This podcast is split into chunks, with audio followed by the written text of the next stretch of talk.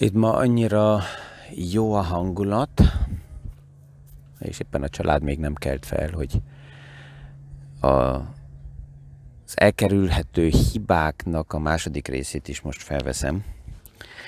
Mi is aktuális pénzpiaci témákról, összefüggésekről beszélgetünk. Gazdaságról érthetően János Zsoltal. Üdvözlünk mindenkit a mai PFS Kávézac podcaston.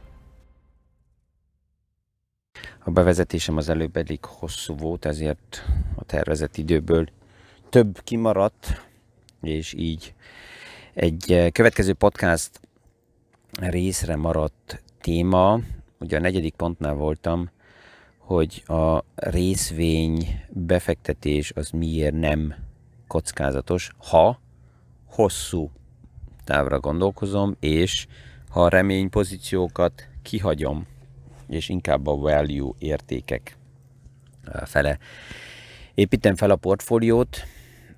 Másképp az a példa, amit a, az osztalékot fizető eszközről hoztam, ez működik részvényeknél, de nem működik kötvényeknél.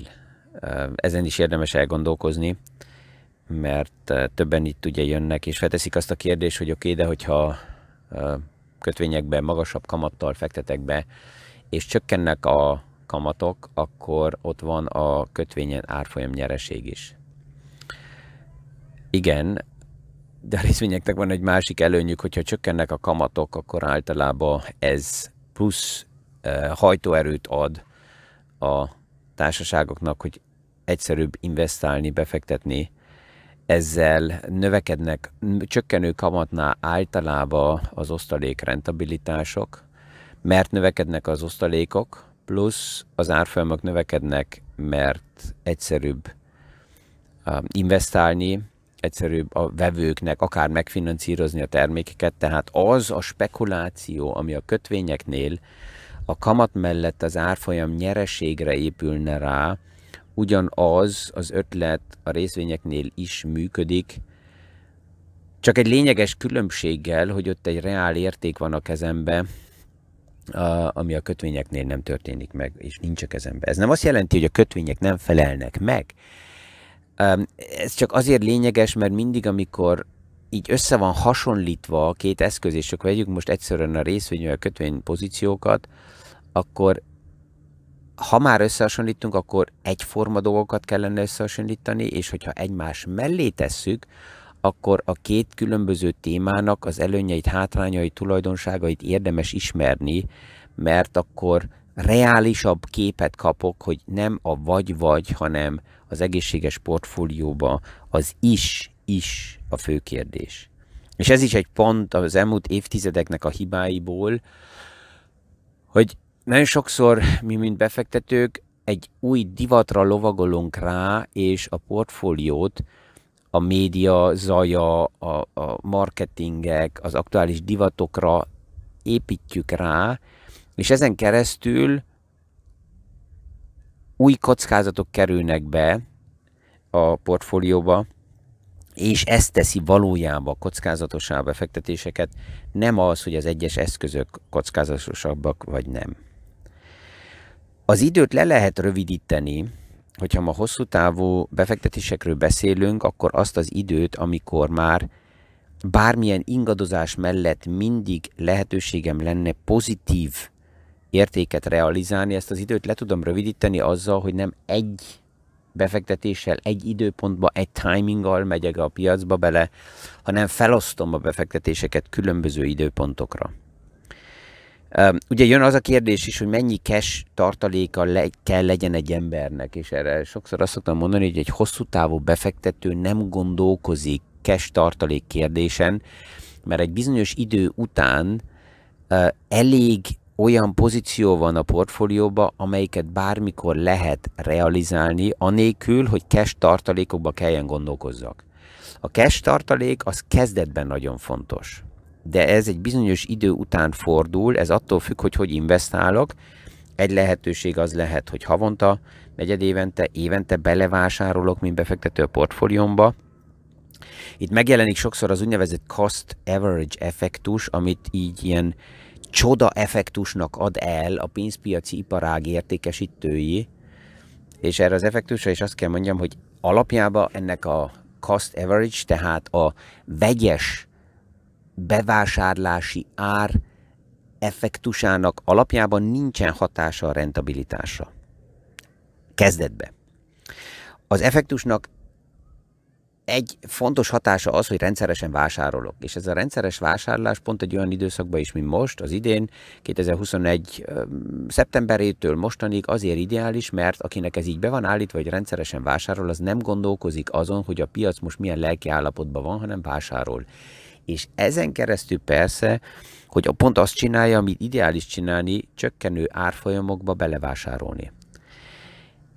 Ez az előnye ennek az effektusnak de alapjában ahhoz, hogy ez a hozamot idealizál, vagy a rentabilitást emelje, ez egy kell, hogy majd a vége fele az árfolyamok kell emelkedjenek, mert hanem az olcsó bevásárlásnak nincsen hatása. Tehát egy, egy egy olcsó vételnek mindig akkor van nyereséges hatása, hogyha majd drágábban el tudom adni. Hogyha olyan eszközöket vásárolok olcsón be, ami, amelyek már a vételkor halálra vannak ítélve, akkor annak nem lesz nagyon parti hangulata a végén, hanem akkor csak fogom a fejemet, hogy miért vásároltam annak ellenére, hogy ezt már lehetett látni. Tehát az időt ezzel tudom rövi, lerövidíteni, ha ma is valaki jön egy nagyobb összeggel, és felteszi azt a kérdést, hogy akkor hogy investáljak. Ha tudnám, hogy a mélyponton vagyunk, akkor persze nem is kérdés, hogy azt mondanám, hogy all in, akkor mindent egyszerre. De mivel nem tudom, hogy hol vagyunk, és megvan elég paraméter a piacban, hogy bizonytalanságok vannak, ezért azt mondjuk, hogy ezt osszuk fel. Egy részét most, és a másik részét felosszuk rendszeres belevásárlási lehetőségekre a következő negyedévekre, évre, attól függ, hogy mi az elképzelésünk, és hogy építjük fel a, a modellt. Tehát a cost average effektus azért jó, mert ez passzol az élethez, és itt vége is van ennek az effektusnak, um, mert, mert nem kell annyira szentesíteni, hogy ez most rentabilitást fog emelni, nem fog emelni. A döntő az, hogy a piacban maradjak, ott legyek és rendszeresen belevásároljak. Egy következő pont a hibáknál, és ezt sokan elkövetnek, hogy elkezdnek befektetni, és akkor összecserélik, összekeverik a hosszú távú befektetést a tradinggel, a spekulációval.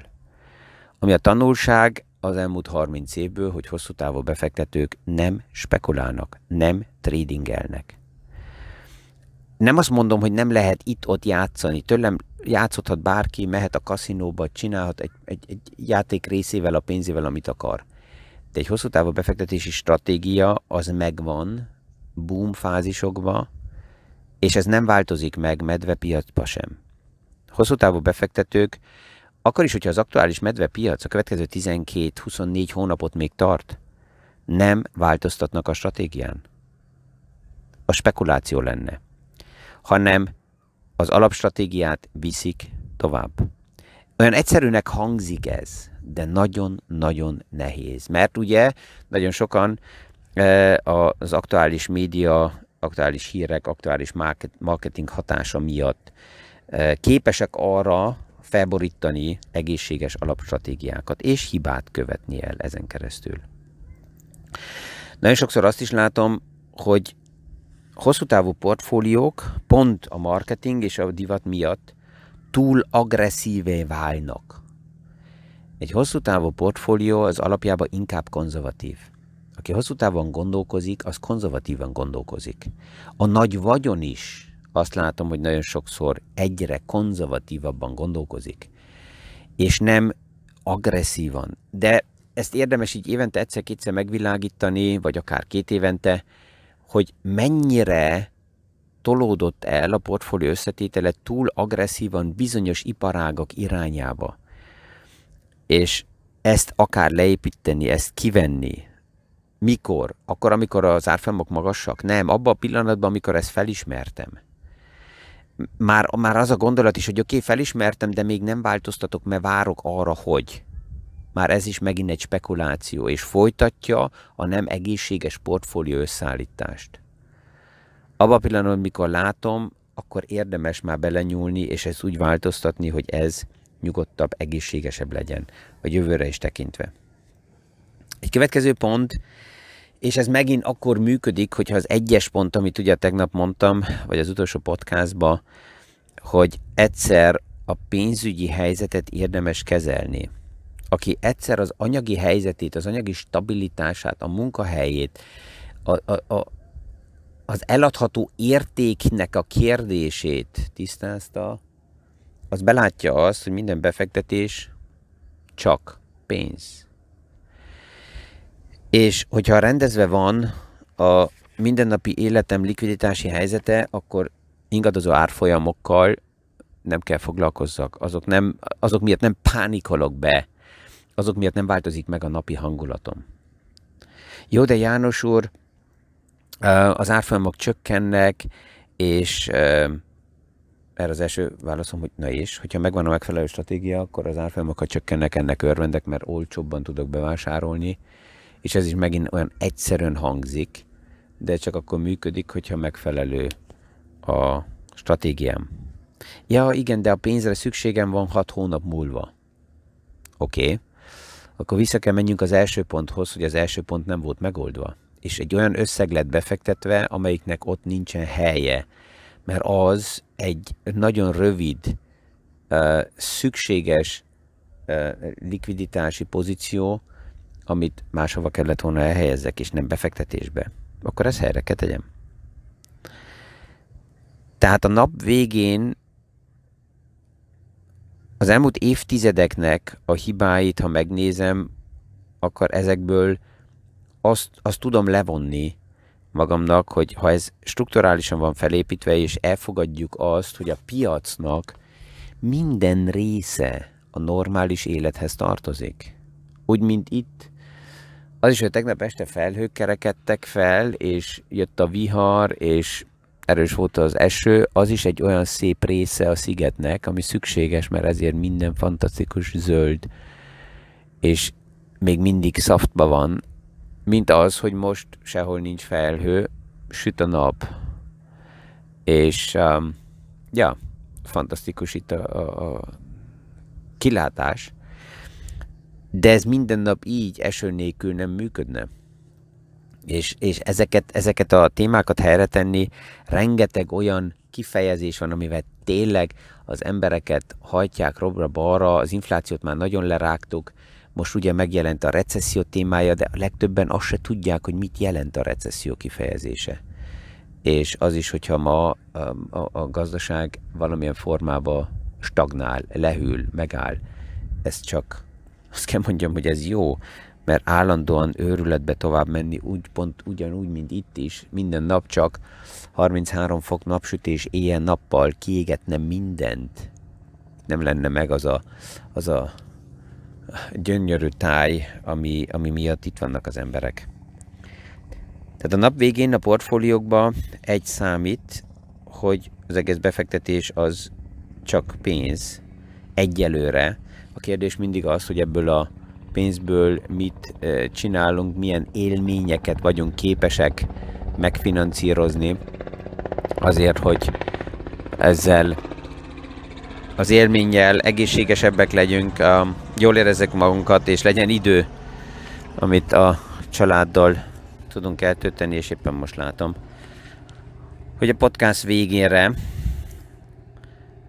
megébredt a család is, és ezért, mint mindig, az én kedvenc tennivalóm az, hogy elkészítem a reggelit, és élvezzük azt a, azt a mai napot is, ami ma is megint előttünk áll. Um, következő napokban még, még sok olyan gondolat van, amit így podcastokba fel fogok venni, fogok egy picit arról is beszélgetni, hogy um, hogy, hogy érdemes kezelni azokat a, a headline-okat, azokat a címeket, amik jönnek, ha már nem tudjuk megakadályozni, hogy megérkezzenek hozzánk, akkor hogy tudjuk ezt helyre tenni, hogy tudjuk megvilágítani más szemszögből, hogy kiszálljunk a, a klasszikus marketing hatásából, ami a tömeg mozgására, mozgatására van ráépítve, és, és ezt higgadtabban tudjuk kezelni, és legelőször reagálok egy, most egy, egy videóra, ahol egy, egy, egy videót összeállító alapjában nem akarom szakembernek nevezni, egy, egy ember azzal a headline-nal megy ki, azt, ami persze, hogy az embereket mozgatja, hogy örökre a, hat, a magas, örökre marad a hatalmas infláció. Ez így, mint állítás kiteszi a kirakatba, aztán hoz egy pár pontot, amit lehet így is látni, úgy is látni, és ezekre az az érzésem, hogy szükséges reagálni is, már csak azért is, mert sok olyan duma van, amire tényleg nem nagyon vicces reagálni, és, és a kedvünket az nem javítja, amikor arra esetleg reagálunk, de megmarad mindig fejben nekem az a kép, hogyha mindig csak az üres fazekak csörömpölnek, akkor igaz, hogy nagy zaj van, de az a zaj az, az egyoldalú, és ezelőtt a kihívás előtt állunk, már évek óta, mióta politikában is egy pár fordulat történt, hogy volt, amikor én a 90-es években még elkezdtem, egy olyan kijelentés az egyik vezetőnek, hogy a sportot, főleg a focit Európában, mert hát más eh, sportunk nem nagyon van, és a politikát érdemes az ügyfelekkel a tárgyalásokból kihagyni, de azért a 30 év alatt annyira fordult sok minden, hogy néha még akkor is, ha intellektuálisan értsük, hogy miért jó ez kihagyni, szükséges az üres fazagak zaját azzal kompenzálni, hogy néha mi is kell pozícionáljuk magunkat, és ha van tartalom, akkor igenis mégis bele kell szólni. Na ja, én próbálok azért amennyiben lehet tovább is inkább maradni a tőkepiaci témáknak. Erre is kaptam már visszajelzést, hogy egy páran örvendek, hogy ezt így csinálom. Um, néha magasak a labdák, de a sorok között remélem, hogy benne vannak azok az üzenetek is, amit az üres fazakak nem értenek, de a telik azok mosolyjal elfogadják, bolintják, és reméljük, hogy hogy um, uh, akkor is, hogyha nem jól néznek ki a képek, megfelelő irányba sikerül még ezt fordítani már csak a gyermekeink miatt is. Kellemes napot mindenkinek, és a viszonhallásra a következő PFS Kávézatsz podcastig. Mi is aktuális pénzpiaci témákról, összefüggésekről beszélgetünk. Gazdaságról érthetően János Zsoltal. Üdvözlünk mindenkit a mai PFS Kávézac podcaston!